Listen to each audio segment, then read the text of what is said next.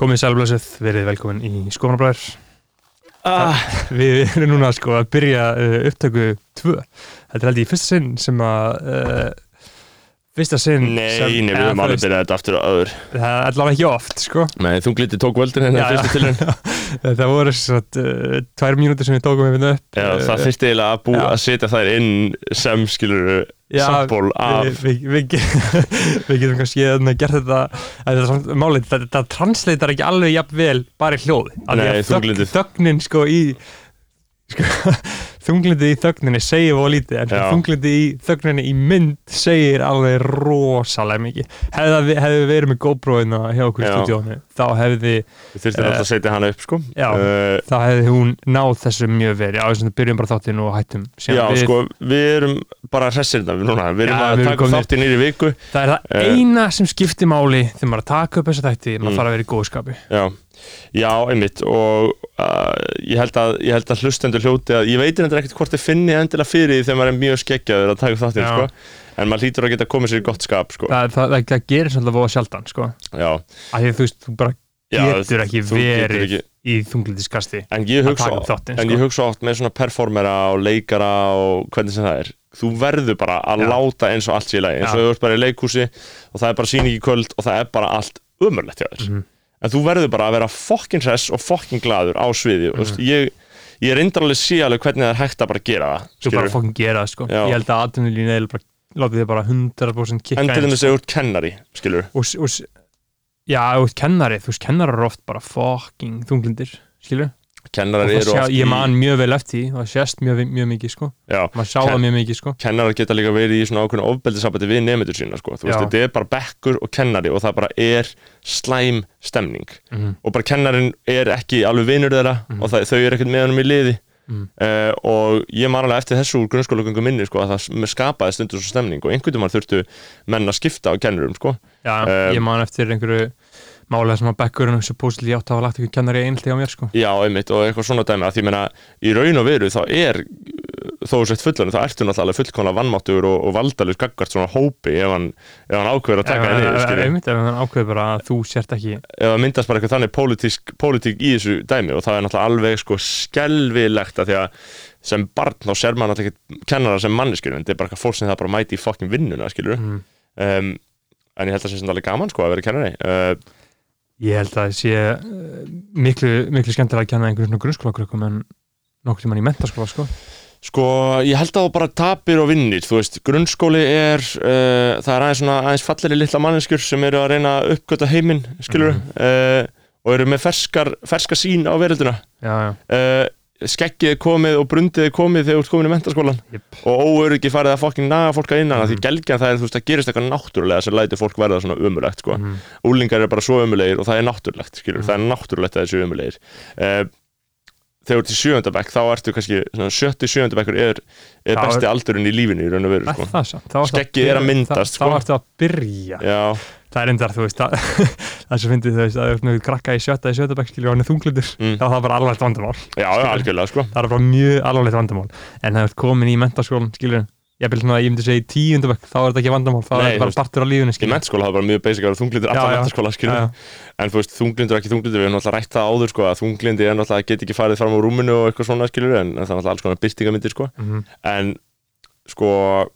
einmitt, en, málið er að þú veist, ef þú kennir í mentaskóla þá færðu krakkar, eða fólk sem svona veit alltaf eitthvað, getur allt í henni skilur bara fattað eitthvað og lesið sér til um Mhm. eitthvað sjálft og eitthvað svona skilur Það er sko, ég man bara eftir sko, þunglindurinn í mentaskóla mm.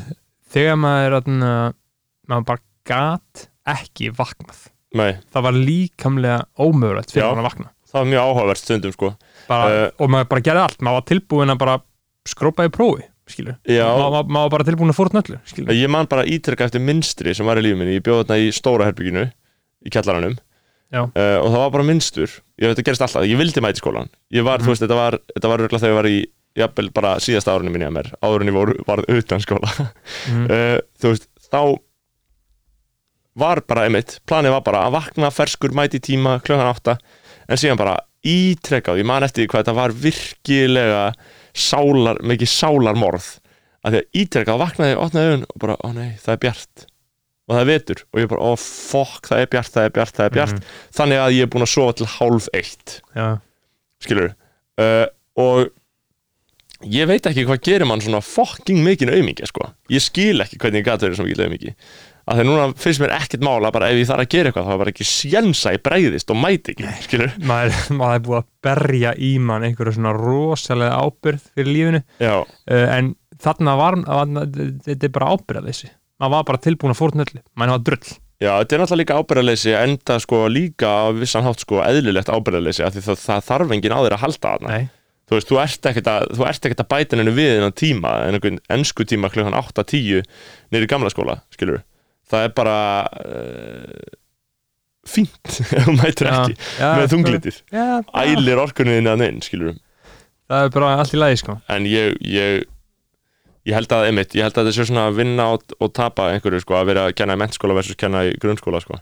Uh, já, ég, alltaf- ég hef ekki á að- spreita mig í góru sko. Nei, en ég held samt að það sé holdt fyrir alla að kenna í einhver, einhver, einhver tíma í lífi sínu sko. Bara kenna í nokkur ár eða gera þetta æfistarfi, ég veit það nú ekki en, en þú veist, það er mjög gaman að kenna sko. við erum alltaf að gera það núna og það er mjög gaman að tala um fólk og heyra fólk fatt eitthvað nýtt og Mm. mm. sína einhverju áhuga Þú veist, það er eina sem skiptir máli sko. mm. að því að þú ert að kenna og fólk er að sína áhuga það er alltaf veistla sko. en þú veist, svo náttúrulega líka vandi kennara fælst ekkert bara í því að tala við fólki sem er geðið áhuga samt heldur bara um að skilur fá alla til þess að einhvern veginn sem er öruglega svo erfitt og því að all- allir kennarar eru öruglega svo mennskir Já. og þú veist vel- talar bara meira af fólki sem er bara Já. veisla og er bara já þú velja öruglega alltaf uppáhaldið sitt sko já, það er alveg, algjörlega óhjákvæmilegt sko. eða þú veist, ok, það er ekki óhjákvæmilegt en það er mjög mikil tilneig í mann, mann, mann, mannlega náttúru að tala bara fólk sem nennir að tala við þig skilur en ekki sem er með síðan topp og er alltaf að horfa í burtu. Þú ert ekkert spenntur að þú ert ekkert spenntur að nálgast að krakkan skilur ítrekkað nei, nei, og ímyndaði ykkur líka hvað hva, hva, hva, hva, hvaða sko bróðum krakkar er að beita til þess að fá að vera í símanum í tíma núna skilur. þau eru samt sko, ok, að því að ég er búin að vera núna inn í tím, það eru engir símar Mátt, þetta skila símanum frá þau, þau eru þannig sjötta og sjönda bekk allavega einhvern skólan landsins, það er, ég hef ekki séð neitt krakka í símanum.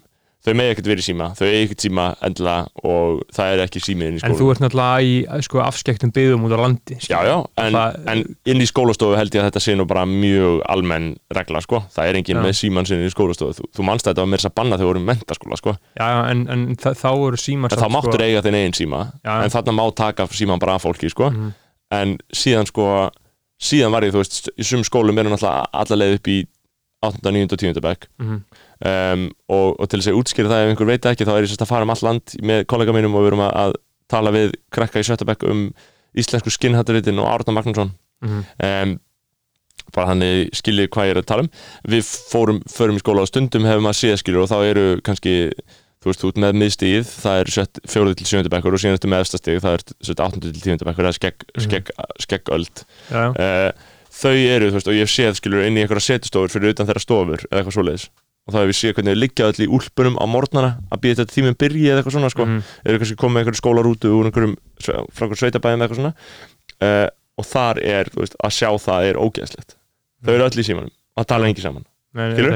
þetta og, og þetta er náttúrulega líka eitthvað sem gerist með fullotna og eitthvað sem við gerum, skilur sjálfur Mhm. það er bara svo ógeðslega að sjá saklaust lítið fólk vera með geðsjúkdóma Mhm. út af bandarísku stórfyrirtækjum sem eru búin að Mhm. manipulera vitund þeirra Einmitt. svakalegt sko Já, og bara, þetta- og hrúa sér saman bara í símanum þetta, þetta er það sem fólk gerir þetta og líka bara fólk á vinnustöðum eða þau bara hvaða vinnustöð sem er þá fólk færi sem bara sína uh, matapósuna sína, skilur, Mhm. hrúa sér saman klárar að borða og sér leggst það fyrir síman já, bara nýtið nýti matið sinni í það. Já. Um, en þetta er bara eins og þetta er, ég man eftir aðal sko, vandamæli hjá mér þegar alltaf í mennskóla og uh, grunnskóla það var ekki að geta verið símanum uh, í tíma, sko, að hvernig get ég bakka mig upp í þessum já, tíma, einmitt. hvaða leið get, eh, sko, hvaða leiðin get ég beitt til þess að geta verið með í vörunni og sem kennari sjá eða ekki. Uh, og ég man sérstaklega þegar maður fekk að horfa á vídeo þá var það svo bara, það, það var bara jackpot Já. það var bara fucking fekk maður sér eina stóra lermu sko ég man að sumi kennarar, jafnvel í MR voru bara, bara þú veist, það var bara drull maður var bara stífbakkaður og það bara gæti ekki að vera sama sko. Mhm. aðri snöppuð á mann sko. ja. ég, ég var rosalega mikið að na, byrja að taka í neðri vöruna já, það er fucking ógeðslegt og þú, þú, þú, þú rendir úlpunni alveg upp Mm. fyrir, rendir hann upp yfir miðja munnin þannig að neðrurinn sást ekki og var með lummu í henni sko. Hver þetta skruf og hopp eða hvað sem þetta heitir allt, skilur það er, þetta er pandemic maður ekki wire, það voru alltaf að hotnarum pandemic, Já, pandemic alltaf einhver nýtt strein af einhverju fucking heroin skilur, en þetta er, þú veist þetta er, ég held sko að ég veit ekki hverju margir pókar í einu svona pökk. Það kostar ekki mikið, það kostar 999 Já, sko, þetta þetta er er- fucking ódýrt. En þú ert samt sko, þú ert en þú ert örgulega að henda tæt- einum. Ég bara sé menn og þú veist, og sjúkasta er við, við þetta líka að það þarf ekki að þrýfa munnin eftir nei, þetta er bara eitthvað. Þetta er bara eins og tyggjó, Já. skilja það var gott bragað þessu þannig að þú losar þetta úr þér, setur þetta í og setur þetta nýtt, bara um leið Já, gauður, þetta er svo ávanabindandi örgulega. Já. Vá hvað ég væri í alvörunni, ég væri eins og bara einhver, einhver roboti að neyta þessa ef ég Já. væri ennþá í þessu sko. Ég held það sko um, auðvitað væri maður alveg til í þetta en ég held að, ég held að þú sett aldrei að fá eitthvað, ó, næs, nikk, eitthvað. Jú, kannski rétt í byrjun dagsins, ég myndi fá mér einna núna. kannski fyrsta lögum dagsins. En þú veist, þetta er ekkit, þetta er svo ógeðslega lítli hvíti pókar, þetta er og að fá alveg íslenskt nefntobak í kjaftin, skilur, Nei. það er alveg veistla, skilur, Nei, ég væri svo til í að þeppa mig lumma yfir núna, sko, Ég bara, ég mér náttúrulega dreymir þessar reglulegu martröð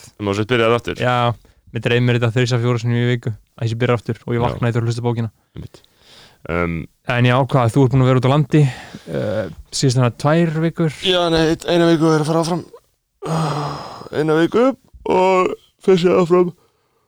Og við erum að gefa út alls konar guttsitt þætti á föstum og meðan. Ég veit, við erum svona tökum það fyrirfram og dæla þeim út.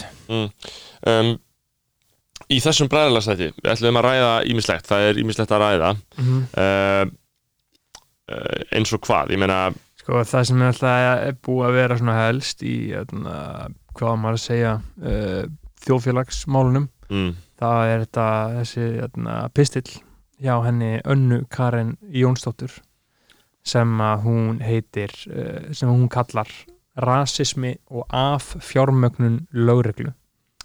Og sem sagt í þessum pistli þá er hún rosa mikið að tala í rauninni gegn uh, réttindabaratu svartra í bandaríkjunum Já. og einhvern veginn svona tengir það eiginlega ekkert við Ísland hún eiginlega bara tala bara beint um bandaríkin sko Sko, maður sjá, nú, þetta er sem sagt, eh, höfundurinn heitir sagt Anna Karen Jónsdóttir og Mhm. þetta er bara stelpa sem virðist vera fætt árið 1998 og það bara í Háskóla Íslands í Og- Hagfræði og í hagfræði, já og megin, megin inntaki er sem sagt að um, í raun og veru kemur fram í loka orðum um, Mm. Þar sem hún er sagt greinir fjallar fyrst og fremst um Black Lives Matter hreyfinguna. Já, og loka orðin er sagt það liggur í augum uppi að þessi hreyfingu er gerð til að eiðilegja vestræn gildi og vestræn samfélag mm -hmm.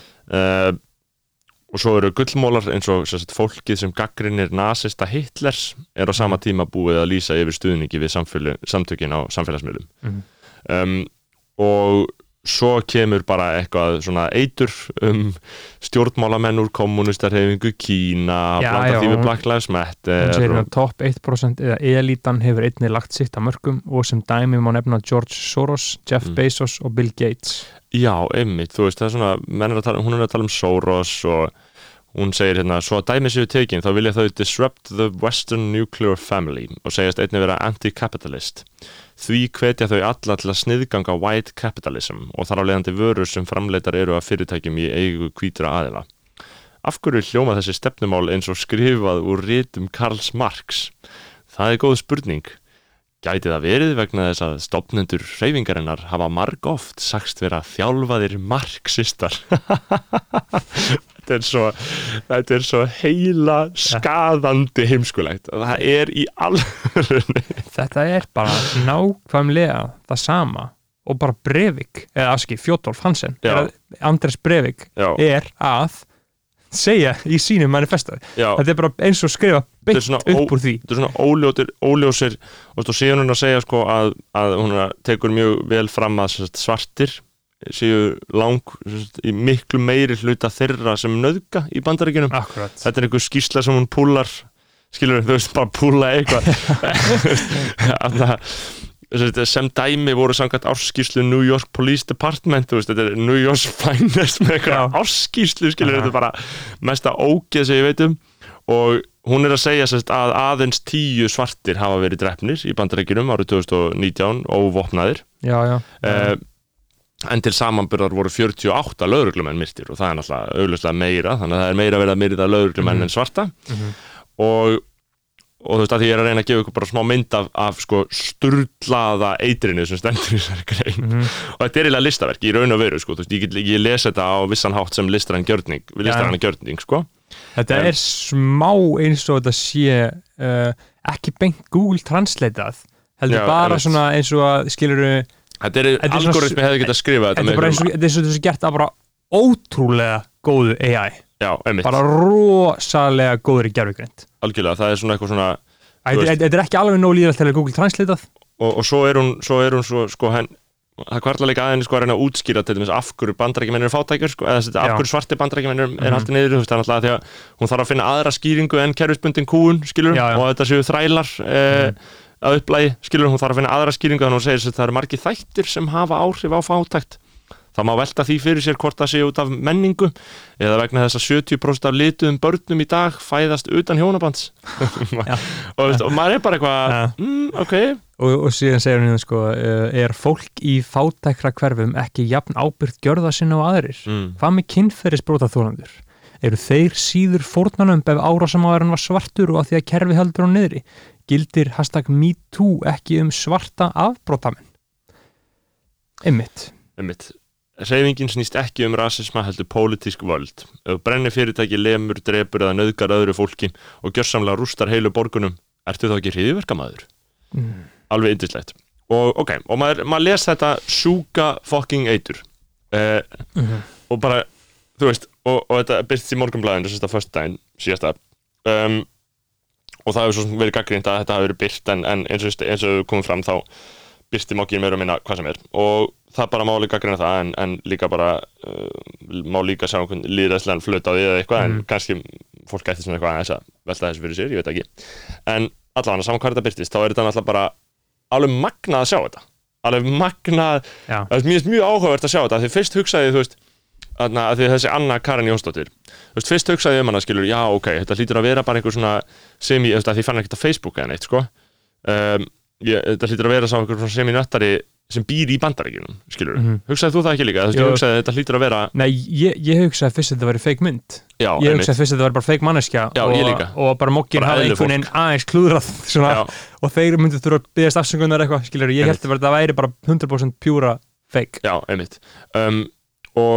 ég held Einmitt. að það væri bara 100% pjúra fake já, einmitt og maður hugsa skilur að því, ég, að því hún er bara hún er ekki, hún er bara sæt, sæt stelpa þannig séð, Anna, Anna Ja. Karin Jónsdóttir bara Mhm. svona eitthvað vennileg, vennileg, vennilegsleg Mhm. en, en síðan hérna ég hugsaði fyrst eitthvað svona, já, býr hún, býr hún ekki bara í bandaríkjunum eitthvað svona, er, er bara, þú veist, í einhverju ringuði, skilur, en hún, er, hún býr bara greinlega í Íslandi og málið er að maður sér á allar þessar orðræð að hún er í einhverju algjöru rappitóli Mhm. hún er bara, hún, bara fítið hennar er orðið bara eitthvað skrýmsli, sko, Já, þú veist, hún er bara að lesa falskar Já. lygar allan daginn og hún kann ekki lengur að greina á milli, skilur, þú veist, Nei. af að það er eina leiðin til þess að byrja að hugsa svona, skilur Mhm. þannig og bara lent í því þessu, skilur, og bara uh, ég veit ekki hvað og hvað. Uh, veit, og mér var svo góð, punktur sem ég las einmitt sko að því að hún, ætlar að, hún segir hérna hversu glær ætlum við að vera? Höfum við glemt tían, tían menn square 1989 mm, uh, og þá komum svo góðan punkt sko þú veist, að því að það, hvað heitir þetta þáttur? Torkins eiliða friðar, já. já, Torkins eiliða friðar, þú veist, það þekki allir sem það já, skilurðu. einmitt en hún auðvitað, uh, hún fær Hún er ekki að fá þetta- neinar upplýsingar neinstaðar nema frá einhverju Q&A QAnon á Já. YouTube skilur, algjörlega, þú veist, og hún er bara í einhverju, og, og mér finnst þetta aðalega áhugst að því að í fyrsta leginn alltaf má gaggrina alvarlega allt, allan fucking horbjón sem hún segir, og við þurfum Mhm. gagvart svörtum viðbjóðslegu rasismi, hún er bara að segja að það sé náttúra þeirra að vera einmitt, einmitt. í fyrsta legi er það gaggrina það en síðan er það hún, bara, hún er bara hvernig svona, kemst þú svona á hendulegan hátt svona að horfa fram hjá bara 500 árum Já, já, bara hún er bara að taka þetta klassíska, viðbjóði. taka þetta klassíska að vandamálið er ekki kerfið eða hvítir, Mhm. heldur bara að svartir séu ógíslir og þetta er bara, þú veist, þetta er bara grundvöllurinn sem hún er að segja, hún er að segja, kerfið er ekki vandamálið heldur þetta. Og, og þú veist, og það er það sem að gaggrinir fyrst, fyrst, svona, fyrst svona right off the bat Já. en síðan er það bara að skoða hvað, hvernig fokkanum kemstu inn í þessa hólu, þetta er svo áhugavert, ég sé Mhm. bara á þessum texta, hún er bara Já. QAnon að horfa á Mhm. myndbönd allan daginn af af sér, sér framleitu eitri Já. sem er bara, bara að innbyrða eitur bara rosalega hættulega stöfi bara svona algjörlega Já, já, þú og- veist, hún og svo- gæti og svo bara líka svo léttilega fyndið- sótt einhverja byssu og farið einhvern skóla sko. Já, þess, maður veit það ekki, sko uh, bara svo, lappaði upp í hái og bara fucking headshota kennaran sinn skilur. Já, það ég- bara geti alveg gerst Ég segi það ekki, en þú veist, en hún get, þetta er svona radikalisering, allan að hugmyndafræðileg um, og sko maður spyr sér skilu hvernig hún uh, kemur í þetta Mhm. sko síðan er síðan einmitt fer maður að hugsa skilu hver þetta er, ég var, ég var að Mhm. segja, ég var að hugsa bara hver fokkanum er þetta skilu, er þetta bara hvern, hvernig kemst það hana uh, og mannlíf man.is sem Já. er núna vefsíða, varstu búin að sjá það? nei, ég er ekki búin að sjá það Þeir sem sagt sko samt. eh, ágæti blaðamæður Hjálmar Friðriksson sem hefur bara skrifað ímislegt í þessu mm og, og ég, ég las þetta mannlíf þegar þetta kom ennþá í lúun, um lúuna en, en núna er þau komið með eitthvað svona vefsvæði og eru með svona freka mikið fréttaflutning bara, veist, þetta er Mhm. eiginlega að verða svona svolítið, gera, hefur verið að gera sig gildandi þessi vefsíða Mhm. um, og þau, þau bara, þau, epic fréttamennska þau bara, hver í fokkar með þetta og hver er að skrifa þetta Já.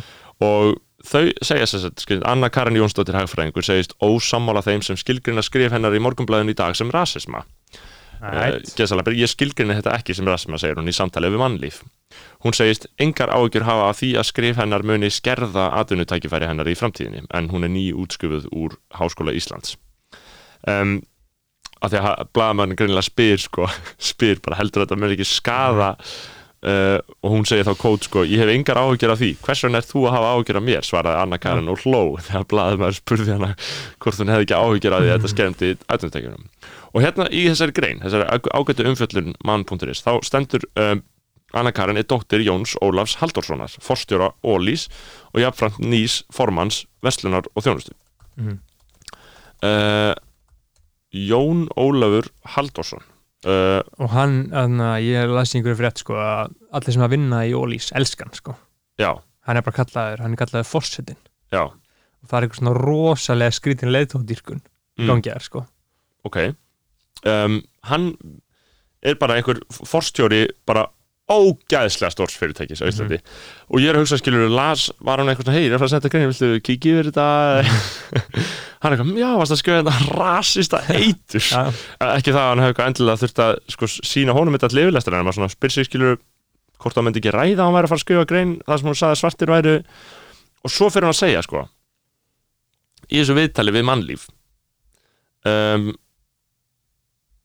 margir hafa hneykslast á skrifum önnu þar sem hún segir svarta bandaríkjumenn yfirgnefandi meiri hluta afbróta manna þar.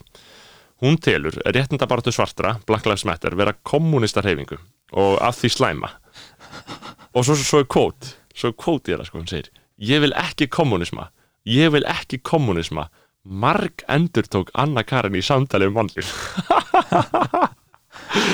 Ímyndaði fokkin heila þáttinn. Ég vil ekki kommunista Mhm. kommunisma, ég vil ekki kommunisma þú veist þetta er, hún er í, þú veist, Já. það er bara svo áhugavert að segja hún er svo Mm. djúft í ykkur fokking kjaftaði á Mhm. netinu ímyndið hvernig, það, það er algjörlega magna hvernig þetta getur gæst Já. ég, ég myndi borga rosalega mikið penning til að bara til að að sjá Feedið YouTube, síðan já, ég verði svo til að fara á fítið hennar og skoða Facebook, YouTube að ég held að ég held að þetta gerist allt á YouTube sko. já, það gerist allt á YouTube. Hún er bara að horfa, hún er, er meira eins að horfa eitthvað svona dót sem að við höfum ekki hugmynd hvað er sko. nei, nei, hún er ekkert í bara eitthvað Ben Shapiro eða Jordan Peterson eða einhverju svona er sem hafa smá er svona- þetta er svona Ben Shapiro vibe. já, þetta er það. En þetta er örugglega meira svona þetta eru aðeins harðar en það advanced sko. og þetta færði svona fylgitunglin líka skilur, en það er endalust á svona efni.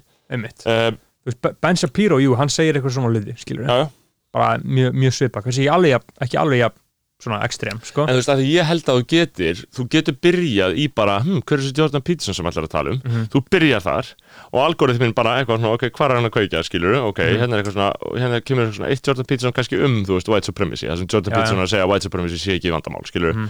og þaðan, þú veist, þú ert mjög peppað fyrir því, algoritmin finnur það. Já, og eitthvað svona, já, smellum bara hérna inn einhverju, þú veist, já, er ekki með hann er ekki með bara eitthvað meir um þetta, ég vil bara Ben Shapiro skilur, byrja þar og síðan bara ferðu og þú veist, þetta bara da, og þannig að byrja að innbyrða eitur í símaninu Mhm. og þetta er, þú veist, það þyrfti að fokking leysa upp þessi samfélagsmiðli og gera þetta ólöglegt, sko, já, að þú veist, þetta er svo mikil radikalisering, sko. Um, og, og ég svona á, á vissan hátt hef ég samúð með henni, sko, að því hún er búin að, það er bara eitthvað að það er bara búið að ske, skemma vitundanar með þessu, skilur. Mm. Hvað ætlaði það ekki langan tíma? Hvað ætlaði hún hafi verið Ég held að þetta sko- það byrja allt, veist, þetta getur ekki að hafa verið lengur áttur tíman en Trump. Nei, þetta er þetta er ykkur 2-3 ár. Sem hún er búin að vera að skoða sér Já, já. sko Já, já, ég meina, ég held að þetta taki ekkert sérstaklega langa tíma, þetta tekur auðvitað tíma. Já, Þú þarft alveg að, þú þarft að svona hmm, já, já. Já, og þú veist, og þú byrjar að pikka upp eitthvað svona, já, einmitt, það er alveg rétt að fólk verður auðvitað að vinna fyrir, fyrir eigin hlutum, ég meina, ég get ekki verið að borga fyrir, fyrir, fyrir þetta fólk sem vill ekki vinna og það er bara í fátakara hverfum og það er lauslátt og eitthvað svona og svo bara, skilur, svo bara byggja utan á þetta Mhm. og síðan, síðan er náttúrulega legendary að hún sé að segja bara Soros og Gates og eitthvað svona já, já, shit, skilur það er mjög gott hún blandið inn í og það afhjúpar hann náttúrulega að mörgu leiti sko, að, Mhm. að þú veist að bara einhver klikkaður hugmyndir um kínverskan marxisma skilur og líka Mhm. bara oh my god hvað fólk getur vita lítið um marxisma og kommunisma skilur Mhm. Þau heyra bara marxisti. Marx var bara hagfræðingur sem sagði að það væri kannski hyggilegt eða það væri allan að annað fyrirkomulega nöðsilegt að sagt þar, þar er aðalmáli bara að framleiðslu tækin séu í höndum, höndum- fólksins. Já, ríkisvaldsins. Mhm. en ekki kapitalista sem geta þá bara gert nákvæmlega það sem þau vilja. Að þeir framlýslutækin er svo verðmætt þannig að þau eigi að vera í höndum. Það var basically, þú veist, það var pælingin. Mhm. Skilur og svo bara, þú veist, er þetta komið inn í bara, já, blacklega marxist, þú veist að það áraðun svo mikill, og Kína, skilur Mhm. þú veist, bara eitthvað svona fólk sem bara heldur að það sé ógislega klart og liberal og flott að þið er á móti Kína og Rúslandi, skilur Mhm. hugsaðu aðeins út fyrir kassan, skilur tillaðu á þessu fokk Kína hatri Ja. og rússa hatri Sko- þetta eru veistlu þjóðir já, já, en veist, það er alveg jafn ógeðslegar á bandaríkin Já, já, skilurðu? ég er alveg til í að- En auðvitað er en sama, það er bara svo í þar. legendary blekking að þetta fólk trúi því að bandaríkin séu í raun og veru rétta Já. Mhm. hliðin en Kína og Rússland séu bara illmenni, bara hakkarar og kommunistar veist, svo og ég meina, þú, þú, þú sér, þetta bara nýlegast ég fór á Creed 2 í bíó, mm Mhm. -hmm. bóksaramynd uh, sem Ma- Michael B. Jordan leikur mm -hmm. Arnurki og Sylvester Stallone leikur Rocky, skilur þetta er svona spin-off af því þetta er gott stöf, Nei, þetta er ekkert spes, þetta er allt í lægi Krít var ekki til líka hinn eða? Var kom Creed 1, Já. skilur Ég Þú man veist. eftir því sko Já, sem Michael B. Jordan leikur, hún var fín sko uh, og sem var Creed 2 og þá sem sagt, var hann að keppa við sko uh, Ukrainian Já, já, já, og þá er bara farið yfir til Ukraínu og til Rúslands Sýnt og shithole. bara, þetta er bara mesta shithole. Já, þetta er bara fólk bara lifir í einhverjum ræsum það er bara rottur út um allt. Veist, þeir bókstala letu við rottur vera út um allt og þetta var bara það umurlegasta það er ennþá verið að portreyja rússa svona í bandarískum bíum Já, já, þetta er bara, þetta er bara vel smurð maskina, þú veist og heila þátturinn er svo mikill og allir er svona, einhver svona basic umfylgjan og líka í einhverjum svona, þú veist einhverjum svona ógeðslegum liberal ógeðslegum miðlum, skilur, það var alltaf verið að tala um bara Venezuela sé bara vandamárið þar en alltaf bara já. kommunismi, skilur, Mhm. en ekki viðskiptaþinganir bandaríkjana sem eru bara það sem veldur ástandinu Mhm. það, þau valda því að Já. þau fá ekki sinn forseta inn Mhm. um, og síðan, síðan var svo gott sko með aðna, ön, ön, önnukarinn uh, síðan sagði Twitter að það var uh, stelpa Elín Lára Reynistóttir sem var tweetaði sko. Að tweetaði þarna eftir hann pistil sko en að hafið þið lent í því að kynnast uh, á því virðist? Mjög fínu fólki í háskóla og svo bara boom, raging racist. Já, þetta er upplifun. Og þá sem sagt sko málið, þá tekur hún hana og gjössanlega fleir nefndi rútina sko. Já, og postar sko screenshotum af bara Instagram uh, Instagram samskiptum þá, hún er bara eitthvað reply á story á henni það sem að byrju, ég er að reyna að finna þetta, ég verð að sjá þetta með það, það, það, hún situr sko, Anna Karin situr í story uh, bara eitthvað bíl að brenna og skrifar allt í bóði hriðjöðurku samtaka og Eilin Lára replyar á það story bara hvaða samtökur er það? Hún segir BLM, Black Lives Matter. Og þá segir hún, ert að kalla BLM hriðjöðurku samtök og Anna Karin svarar já. Og síðan setur hún annað, annað story hérna sem Anna Karin uh, er sko að tala um hérna tekur screenshot frá summit.news ég veit nú ekki alveg hvað fréttamill það er uh, en það er talað um sko hérna Swedish, Swedish journalist charged with hate crime for publishing article about Muslim-owned pharmacies faces two years in jail for attacking a protected class alls konar svona fréttir sem þetta fólk, sem þetta fólk fær á heilan sko. Og Anna Karin segir sko, póstar sem þessari frétt eitthvað um Svíþjóð Mhm. skilur, að það hefur kona farið í fangelsi fyrir að tala gegn muslimum Mhm. og þá póstar hún þessi, tegur góða selfie að sér sko, og segir hérna, sem að sannar að þetta sé alveg manneskja. Og bara eðlilega stelpa, þetta er bara stelpa í hagfræði sé hana og þá segir hún hérna uh, thank God fyrir COVID og ég fór í fjarnám frekar hann að flytja til Svíþjóður og lenda í alvöru 1984 fangilsi þetta er allt þessar sömu sömu sko uh, 1984 fangilsi og allar þessar fréttir. Þetta er áráðurinn fyrir rosa mikið fram í svona, svona sögum á svona fréttum skilur hei, þessi manneski hérna misti vinnum af þessu Já, skilur, og þú veist, og þessi að er, það gerast af þessu. það er einmitt mjög aðteglisverð hlið á þessu, þú veist, eitthvað svona hvernig þetta ratar inn í fréttamila, þú veist, allt- eitthvað svona furðusögur af einhverju PC menningu í háskólunum, skilur þessi þurfti að vera með 30 kyn skráð í háskólunum sínum. Já, já, mátti ekki vera með sitt kyn og þetta er Mhm. bara eitthvað, þú veist ó, þetta er svo fucking fyndið, sko. Þetta er svo fucking fyndið. Þessi En- grein og þessi gælla er svo fucking fyndið. Uh, og og ég hef svo mikið áhuga á sko, hvernig er hún að hvað er hún að hugsa um öll þessi viðbrögt skilur, hann er alltaf brjálast allir. Já. skilur, það fer allt bara, þetta verður bara fjarafólk. Það er bara, ég held að hvað ætli henni finnist skilur, ég heldur ekki að þetta sé bara heldur hún sé ekki bara eitthvað what? eða þú veist, að því hún trúir þessu heldur hún sé ekki bara eitthvað bara eitthvað, ha, hvað er þetta að segja? Augljóslega er þetta hriðverkasamtök Gaur, og svo, svo segir hún hérna í man.is viðtalinu, það er eitt kót eftir þar í þessu legendary viðtali sem hann tók við í gæluna uh, spurð um hvort hún telji svarta bandaríkjumenn fremur glæpamenn en aðra svarar Anna Karen þetta er staðrind það er eins og megi ekki ræða, ræða staðrindir það er eins og það sé eitthvað í menningunni þeirra svaraði hún. Wow Það hún er basically að segja að það er eins og að sé eitthvað í þeim já, já. þú veist, í menningunni þeirra Já. það er bara, þetta er bara þau eru skepnur. Já, já. Glæpamenn, glæpamenn uh, hún leggur áherslu að þrátt fyrir að svartir séu einungis 13% séður segir um svo og svo marga glæpi er þekkt minni meðal rasista já, emitt, já, sko, þetta skrifa King Hjálmar segir, Já. áhersla á að þrátt fyrir að svartir séu einungis 13% séður sagir um svo og svo marga glæpi er þekkt minni meðal rasista vestanhafs Það er raunar skilgrind sem haturstákn af Anti-Defamation League, mannréttinda samtökum gýðinga í bandaríkunum. Anna kannast ekki við að vera í slæmum hópi hvað þetta varðar. Fátt var um svör þegar hún var spurð um hvort hún hefði skilning með mótlæti svartra vestanhafs. og hún bara, ég vil ekki kommunisma, ég vil ekki kommunisma Ég vil ekki ekki kommunisma Ég vil ekki kommunisma, ég vil ekki kommunisma. Þú veist, þetta er mantra. Gauður, þetta er svo fucking ógæslega fyndi. Ég verði til að fá meira stöð frá henni. Ég verði til Já. að, þetta er bara, en þú veist, málið er að, að, að þú veist,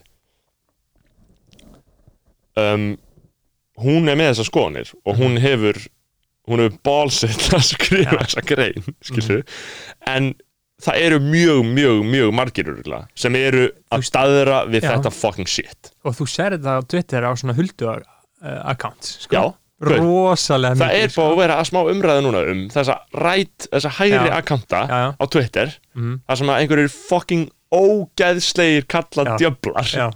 Sem eru svo skeggjaðir og horfa á svo mikið að klám og eru með svo mikið að heyrnadálum á haustum Já, að eru svo djúpir í sko, svona, svona leður tölvustól sem er algjörlega eru með á rassasvita. Þeir eru með svona þeir eru með svona klósettpapir rullu á skrifbórinu hann er ekki að rulla papir niður.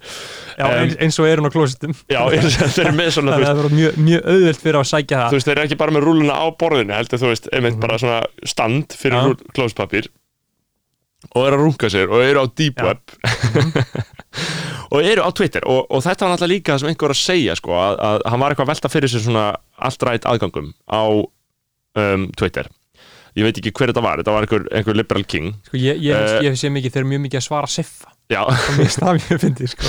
og Siffin alltaf er algjör menn miðstöð fyrir svona kjaftaði skilur, það kemur svo mikið á hans dæmi, og, og hann, hann alltaf radikaliseraðist í vinstri áttuna, uh, og hann ég var um þetta að tala með um daginn og hann var að segja þetta að það gerst svo hratt. Hann var að segja mér, hann var alltaf svo frekar liberal, frálslindur, eitthvað svona New York Times típa, en síðan bara smátt tók hann tók hann bara snar beigði til vinstri, skilur það, er- það er svo frábært sko og fór, þú veist, þetta er svona, getur byrjaði, þú veist, af því ég kannast alveg við þá radikalisík, þú veist, já. það byrjaði Chomsky Mm. og svo, svo ferða bara allt í henni inn í, þú veist, af því að Chomsky er svona að gaggrina stóðir bandarísku pælingarinnar, Mhm. skilur, hann er að segja bara, ok, við erum ofbeldistofnun, skilur við bara við beitum fólk bara ofbeldi til þess að við fáum að gera það sem við viljum, skilur valta yfir allt bara don't take no bara, for an answer don't take no for an answer og bara bandaríkja hér fer bara einhvert og bara nöðgar og drepur og bara það er ekkert mál skilur og bandaríkinn segja bara þetta er það sem við erum að gera og svo eru bara fjölmillar, þú ert bara með CNN og New York Times og það er bara já við erum að um, sagt, vernda líðræðið í þessum ríkjum Einmitt. við erum að vernda frelsi, bandaríski gildi og Mhm. bara við erum að fara og nöðga og drepa með sprengjum Mhm.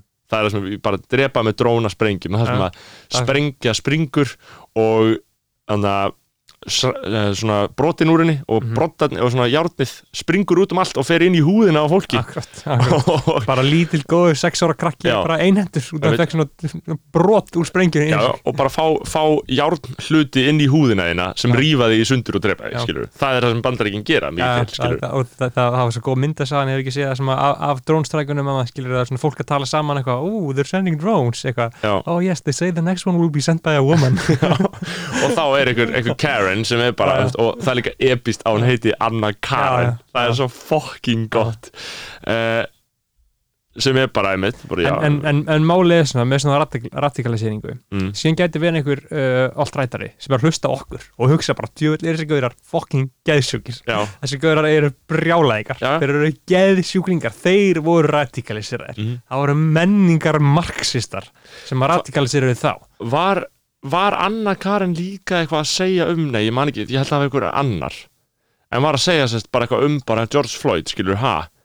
Hann var búið að vera að byggja hann um í hálftíma um að koma út úr bílum skilur, eitthvað svona, skilur já, já, sa- sagði það einhver. Að- að apologera fyrir því sko, Já. að það hefði verið eðlert að þeir hefði staðið á hálsinu á honum í, í nýju mínútur Já. til þess að myrðan já, fremja morð í búningunum sínum já, já, og, Eh, og síðan er þessi rök alltaf notið sko, eins og uh, Chris Rock kom vel að í, í uppsandurinn sínum mm. að tala um bara, þú veist, það er alltaf bara eitthvað, ah, there are a few bad apples já, í, í löggunni, það er bara there are always a bad apples. En ímyndaði það, ef þetta væri sagt bara já, bara flugstjórar bara flugstjórar. Já, þú veist, það eru nokkur sem bara eiga, eru, eru, Já. eru, eru alkoholistar og bara þeir auðvitað, er það mjög já, en heild- er góð og bara, hei, svona, svona er þetta, það er nokkri drefnir, svona er þetta, few bad apples. En þetta er líka few bad apples umræðin er bara klassísk umræði um bara er þetta, er þetta nokkur rotin epli eða er þetta ógeðsleg fjöldarhefinga rasistum, Mhm. bandarska það eins og hún er í Þískalandi, ég var að lesa bara greinir um það að það bara eru að koma ítrekað ljós bara um, einhver svona tjött allt rætt hægri tjött innan lauruglunar Mhm. það sem að þessi gaur, þessi, þeir eru bara einhver að þú, hugsar um ógeðslegu brundheilana sem eru einhvern veginn þarna að vinna þetta eru einhverju ungir gaurar. Svo mikið skam já, þetta eru einhverju ungir gaurar einhverjum allt rætt tjöttum að tala um bara um að, að þú veist, ég veit ekki hvað og hvað hafi gerst, skilur eða bara og senda einhverja myndir af útlendingum þar sem er búið að skjóta þá og eitthvað svona. Og maður er bara eitthvað wow, wow, wow þetta er að koma í ljós í Þískanandi líka kemur í ljós í bandaríkinum ég veit ekkit hvernig þetta er á Íslandi. Ég bara, þú veist, þetta, er náttúrulega mjög dulið sko. já ég veit ekkit hvernig þetta er á Íslandi. ke kemur, kemur á til upp en augljóslega eru lögreglan og sjálfstæðisflokkurinn mjög svona eða svona lögreglan og svona hægri ríkisvald veist, þetta er bara klassísk blanda, skilur og verja hagsmunni ríkisins og svo, svo er náttúrulega svo aðtilsvægt að hugsa út í það, skilur, hvert er hlutverk lögreglu? Hvað er hún að gera, hún er að verja ríki hún er að verja, þú veist, ég veit ekki þetta er mjög löng umræða, sko. En það sem ég var að velta fyrir mér einmitt með þetta einmitt, sko, sko hverjir eru í löggunni, skilur, hverjir eru hverju sækjast í það að verða lögga? já, að fá að beita opnum, skilur mm. uh, og þetta er alltaf en, en sko á sama tíma og þetta allt er svona Mhm. þá hugsa ég þá er, að því kannski les ég bara ómikið af, af hægri skrifum þá hugsa ég samt að það sé eitthvað hugsana mögulega til í því á einhverjum tímapunkti þessari ógislegu manju um að það þurfa að verja Vesturlund, þú veist það er alltaf verið að segja að það Já. þurfa að verja það þurfa að vera til herir og það þarf að verja skilur, ríkið Mhm. og maður, þú veist það er ekkit óskiljanlegt sjónamið það hefur alltaf verið þannig að það þarf að verja ríki. Er það ekki? Eða þurfum við engin Það- landamæri? Ég veit það ekki. Frá, frá hverjum, skilju Ég veit ekki, bara ef að ef að þú verður verða ekki, skilur þá bara gerist eitthvað slæmt. Ég veit, ég er nefnilega er að segja, skilur þú veist hvað, ég er að hugsa hvort það sé einhver heila þóttur í mér að mér finnst þetta á einhvern hátt á einhvern svona örlítinn hátt auðvitað vera skiljanlegt, já þú veist, hugsanlega þarf að verja eitthvað skilur, ég veit ekki hvað Já, ég, ég sé það alls ekki, sko. Ég er bara, Nei, þú veist, en, en ég, ég get ekki skilað hvað ætti að gera skilur. Nei, nei, einmitt. ætti bara einhver fólk, bara einhver, einhver fólk frá Indonési og ráða sinna inn í eh, ráða sinna inn í Þýskaland og taka það yfir eða? Ég veit hvað að ég, heldur að þau sé eitthvað spáið því, skilur? En þá spyr maður, skilur, akkur eru þá heyrir til? Akkur er þetta til, skilur? Út af bara einhverju búlsitt í fólki, skilur? Út af búlsiti fólki, já. En þetta er einhvern veginn svo rót gróið að þú ætla bara að verða þá algjörlega fullkomlega berskjaldaður En þá bara, náttúrulega, náttúrulega í, í grunninn eru heyri til út af trúabröðum, skilur? Og þetta byrjar allt með því að við trúum þessu og allir í heiminum með að trúa þessu og nú ætlum við að ráðast á það og drepa, drepa þau til þess að þau trúi þessu sama við já, og það er bandarisk heimsaldastöðuna, og, og, og, og á sama tíma ætlum við að ná landin á þeim af því að við eigum réttin sko, á þessu veist, einmitt, við erum ekki með her Ísland en við erum bara hluta bandaríkjunum að því marki, annarkort ertu með her eða ert hluti, Já, við erum auðvitað ef- hluta ef, bandaríkjunum. ef, ef það er því ráðist inn í Ísland þá myndi bandar ekki koma og, og Já, já, það væri, væri veisla. En svo náttúrulega ásmundu Friðriks með einhverja status að einmitt um, að því að hann er svo mikill kepla ykkur kall, sko, þeir vilja alltaf hafa bandaríkja herin sem mestan á vellinum, skilur Já. og bandaríkja herin er náttúrulega með starfstöð á íslenska flugvillinum, sko. Mhm. Þetta er kallað varnarsvæðið sem er náttúrulega líka svo legendary alltaf, þetta er varnarbandala, þetta er Já. varnarsvæðið, skilur. Hvað, hvað allir séu margir, margir starfsmenn? Uh, margir starfsmenn, alveg þó nokkrir. Þeir eru að, þeir eru að fara í uppbyggingu núna á flugvillinu fyrir 5 miljardar uh, í, af bara bandaríkjum? bara band, bandaríska ríkisjóðun borgar 5 miljardar taxpayer money. Já, uh, fyrir sérst, uppbyggingu á varnarsvæðinu mm uh, á hernaðars og morðsvæðinu Já. og um, þa þar, þar sagt er verið að byggja upp bara eitthvað flugskíli og það er eitthvað flugvilar og svona. -hmm. uh, herin hefur náttúrulega ekki aðstöð þannig að ég held að séu ekki, þú veist, það er ekki hermenn á Íslandi, en það er einhvern veginn skilur skilgjönd, þetta er einhvern veginn aðrir starfsmenn skilur, Mhm. en suðunisinn þau, þau fíla þetta sko og svona þingmenn í, suð, í suð, suður þessu kjördæmi sko, já, uh, Ásmundur Freyrisson hann er svolítið mikið að tala um að NATO þurfa að vera hérna að Mhm. byggja fleiri hafnir og æðislegt eitthvað svona og og og allt þetta að það er ógslag auðvelt að raukstiða skilur, býr til vinnu er ekkert vandamál fyrir okkur Mhm. um, fínt að hafa þetta, skilur bara, ég, ég, ég get alveg skilið þau sjónum ég, ég, þú veist, ég er ekkert eins og þú veist, já, já, sumir eru algjörlega herin burt, NATO, Mhm. Ísland úr NATO Mhm. en, en, já, já, algjörlega, ég er alveg til í það en, en ég, ég vil að reyna að halda þessu eins langt í burtu og mögulegt er sko. þetta var svo gott að uh, ég var að hlusta á viðtal að, sem ég sagði frá í gæri að útastátturinn uh, svona er þetta Já. sem var viðtal sem við gaur sem var reitstjóri þjóðviljans Mhm. man ekki alveg hvað hann heitir sko Mhm. hann heitir Þröstur sem var stjórn þessum þætti sem er stjórn á rás 1 Já. að já, Það- já, er, það- Kjartan Ólafsson Já. við Þröst Helgarsson Já. við- já, ég er búin að hlusta á það nei, ég er ekki búin að hlusta hann þarna uh, þá er hann í rauninu bara að rekja allt þetta bara sögu kommunism á Íslandi og hvernig þetta voru þú veist, þessi menn uh, sem að trúið á þetta bara eins og bókstælega, sumir trúið á þetta bara sem hugmyndafræði skilur, Mm. sumir trú, trúið á þetta sem bara bókstælega uh, trúabröð Mhm. skilur, bara raunverulega þetta er hinn eini heilagi sannleikur skilur, og það er að segja ágæti bandaríkja hers eða, nei, nei, kommunismi já, um, bara kommunismi, bara sov, sovíska leiðin skilur, Mhm. og það var almáli, það var mjög svo góða punkt sko að jú, hann, hann talaði um það hann sem var í viðtalinu, Kjartan Ólafsson. Kjartan Ólafsson. hann, hann, hann talaði um það að svona, aðskilur hann sem að lætur hann hafa ákveðið samvinsku með þetta í dag Mm. uh, er að það voru margir sem trú á kommunismann að hann eigi eftir að svona, enlightina alla. Að þegar við náum þessu þá verða allir bara fullkomnir skilur þá verða allir og smá svona, svona spiritual hlið að þessu sko Mm. þá verða allir bara fullkomið, allir lifa í sátt og sálnindi allir elska hvern annað Var skilur það hans hug, hug, hugsjón? Nei, það var trúabræðlega hliðin af skilur, sem að hann var alltaf frekar skeptískur á, sko. Mm. og hann talaði líka um, sko, gaggrindi svona íslensku kommunistana, sko, að þeir horfðu eins á, í rauninni, þarna á uh, styrjísárunum, skilur þeim fannst, sko, Þískaland og Breitland alveg jafn ógisleg Já, já þeim, veist, Það er klassísk orðræða. Það er alveg klassíst að það er alltaf sko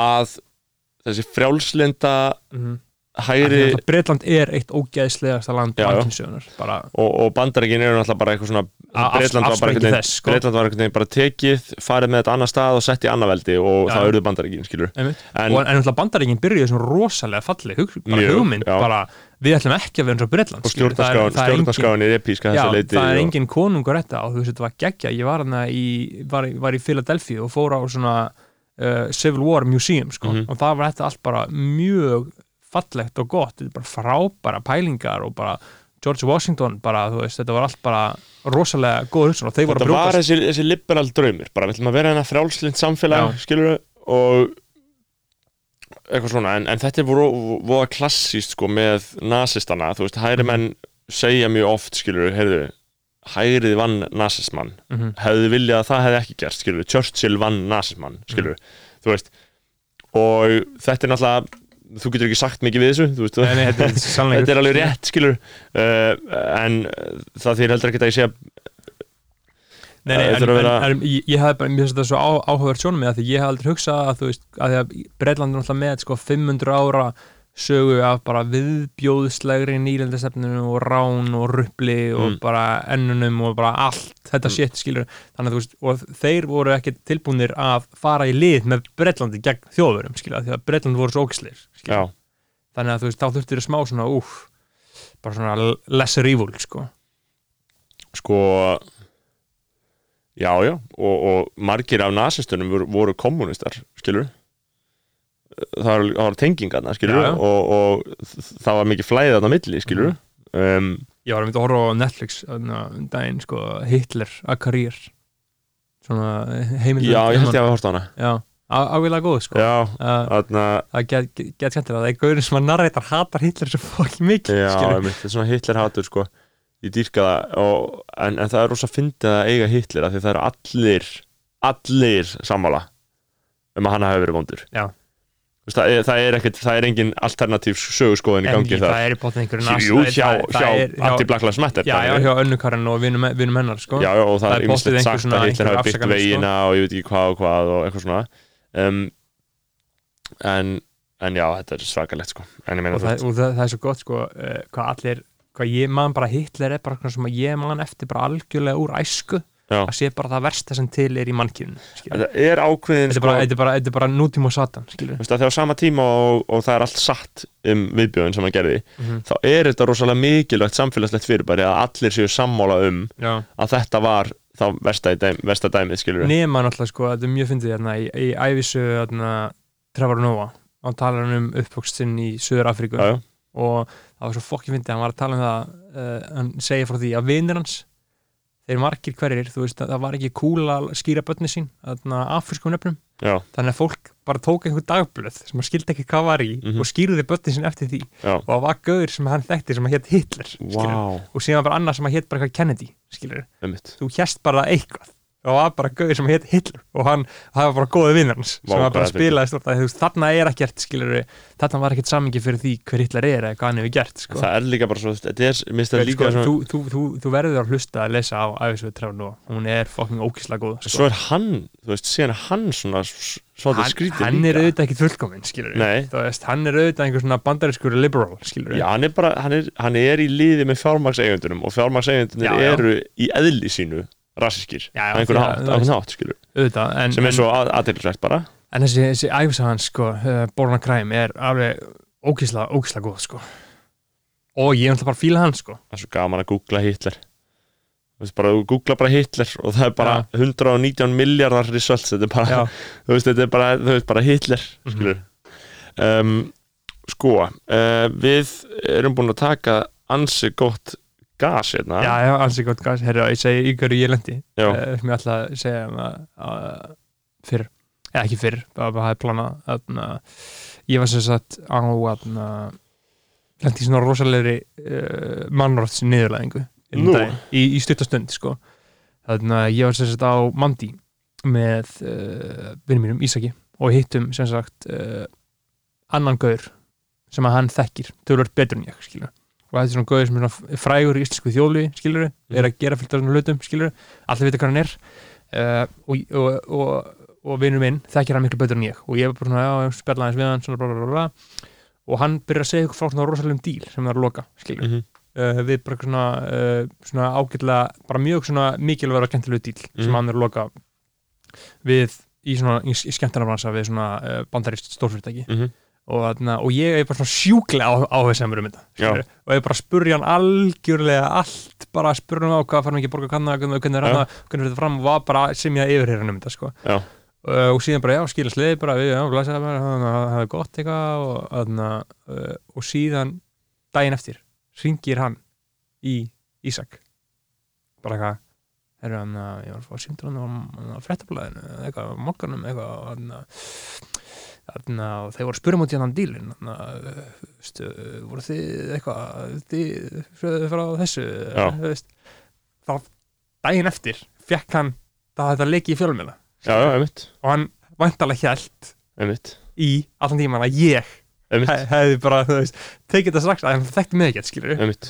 Og vantarlega bara hjælt að ég hefði gasað þessu beint í mokkan eða hvaða fjölmjöld sem það var, skilur og hann hefur virkið haldið það í marga klukktíma, En þú mátt ekki segja mér hérna on record hver það var. Nei, Nei, enginn satt Eh, eftir á. já, ok. En þú veist, af því að þú veist, maður Það var eins og, og fegst þú ekki kvíða? Það? jú, bara, vá, þessi guður hata mig.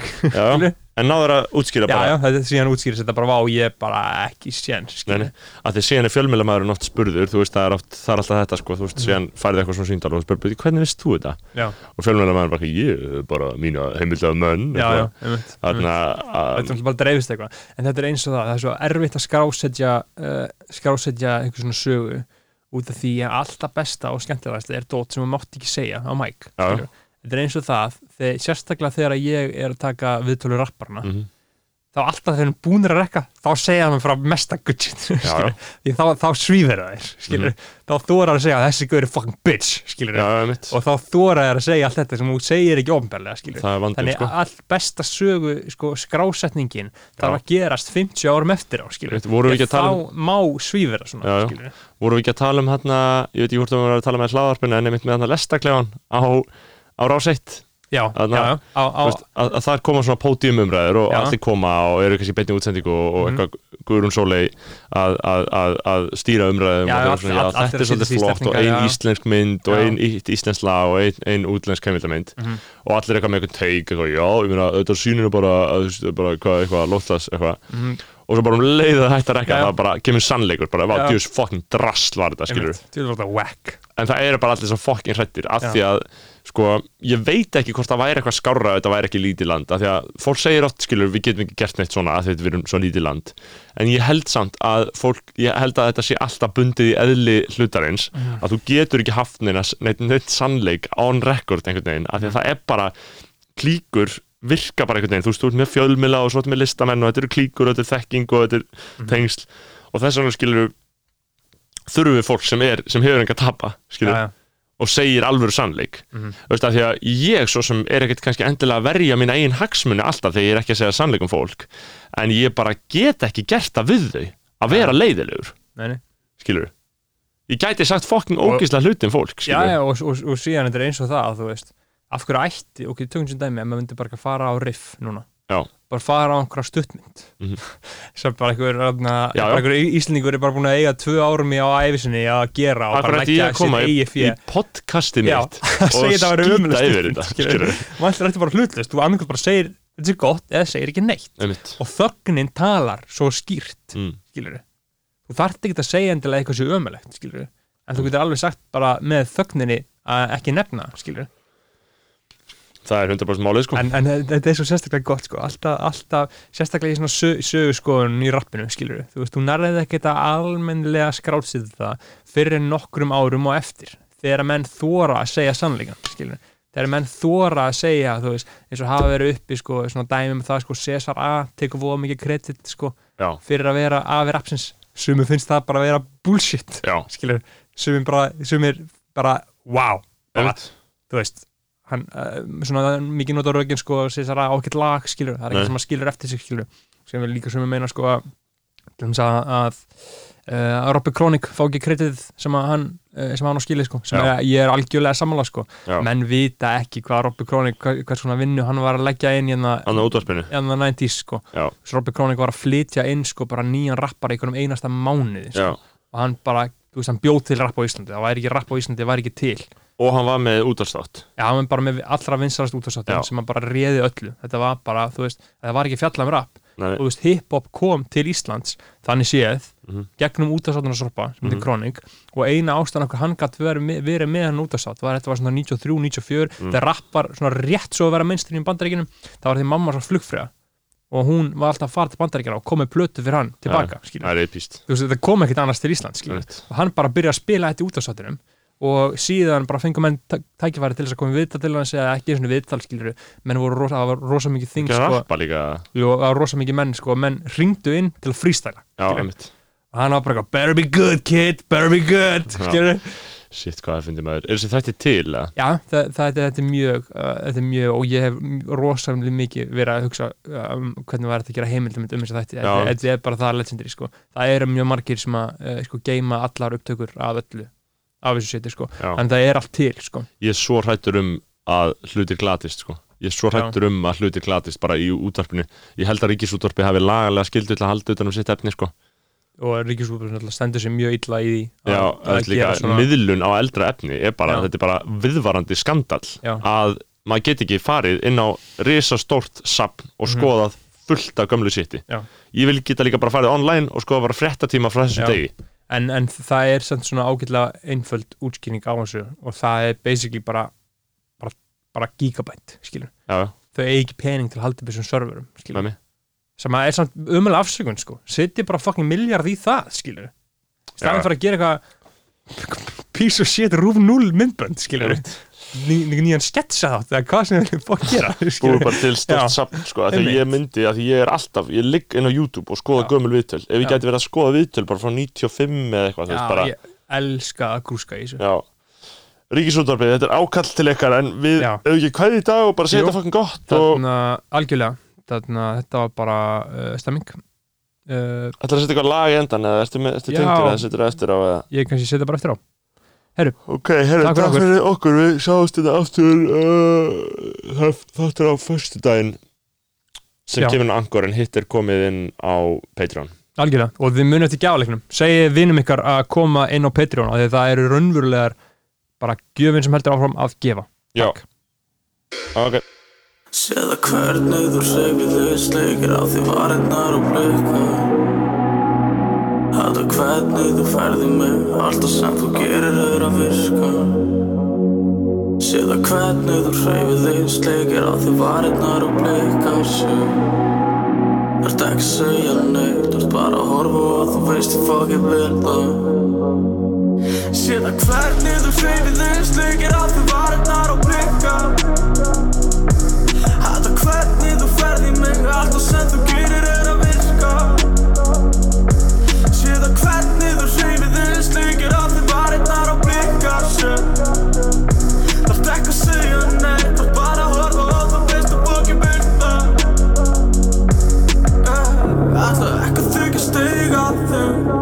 langar þig bara líka Ég veit ég gerir hluti sem þig umdreymir En mér dreymir líka þig og ég gerir þig og Hor á þig fucking loka veg Þekki píkun á þig betur en hausinn á mér. Ég get tapa mig með þér Er að fara heim og segja Ég komin bestu aftur út og heim með þér. Ekki playa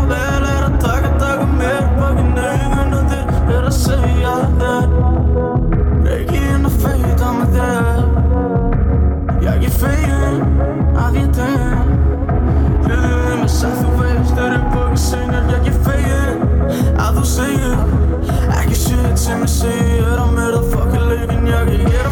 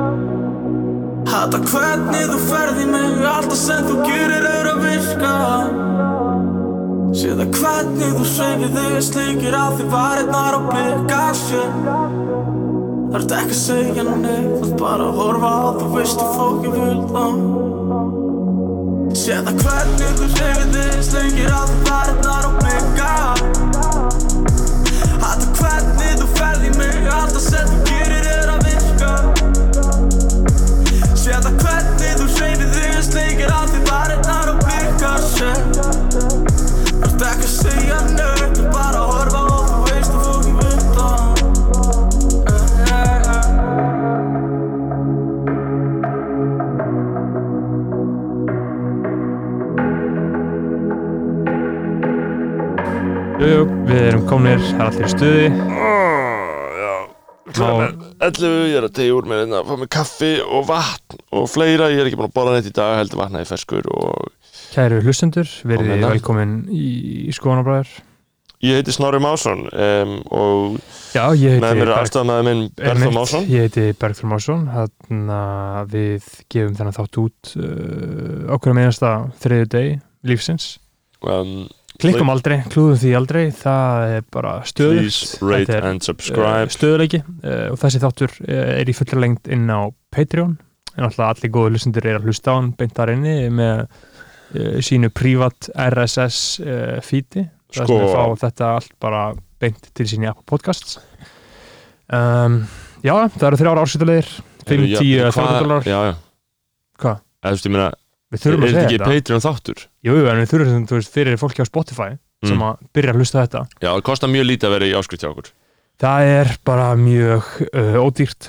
Það er 5 dólarar, síðan getur þú farið í betri áskriftir, 10 eða jafnvel 30, fengið vinningarnafnið, síðan getur líka verið, uh, síðan getur líka uh, borga mest og fengið þá sérstaklega virðingu á nafnið, uh, alls konar möguleikar, uh, tjekkja á þessu inn á patreon.com skólanabræður. Já, já, þetta er flott Þetta er Eh, frábært. Bara eðla státtu, það er sunnudagur og uh, ég er að fara út á land, það er mánudagur Það, er- það er mánudagur. það er ný vika í Reykjavík, ég kom út í morgun og hugsa, já, það er alveg ferskt loft hérna og Það, uh, það, var, það var góð dagur í morgun, sko. fólk er að byrja dagana sína og koma, fara stað í grændinu Mm. um, það er svolítið skrítið að vera út á landi allan tíman uh, ég er að fara núna aftur og eftir ég kom núna bara á lögadaginn og uh, nýta svo sem samt alveg að vera uh, ekki alltaf í Reykjavík og maður hugsa samt jafnvel sko núna að maður sakni þess að vera út á landi og þannig ég er bara spenntur að fara aftur út á land uh, Ertu að lesa einhverja fréttir eða Nei, nei, nei, ég er bara, ég bara að lifa að tala, sko. Já um, Já, ég, ég get ekki talað nema einhver segi eitthvað á móti við mig Já, þannig að maður virka uh, samræður, það er Já, að segja eitthvað tilbaka. einmitt. Einmitt, þannig að já, þú ert þetta á landi uh, hvað ertu að gera þar? Ég er að hugsa hvort það ættum kannski að byrja upp á nýtt þessum þetta Þetta er svívirðilegt sko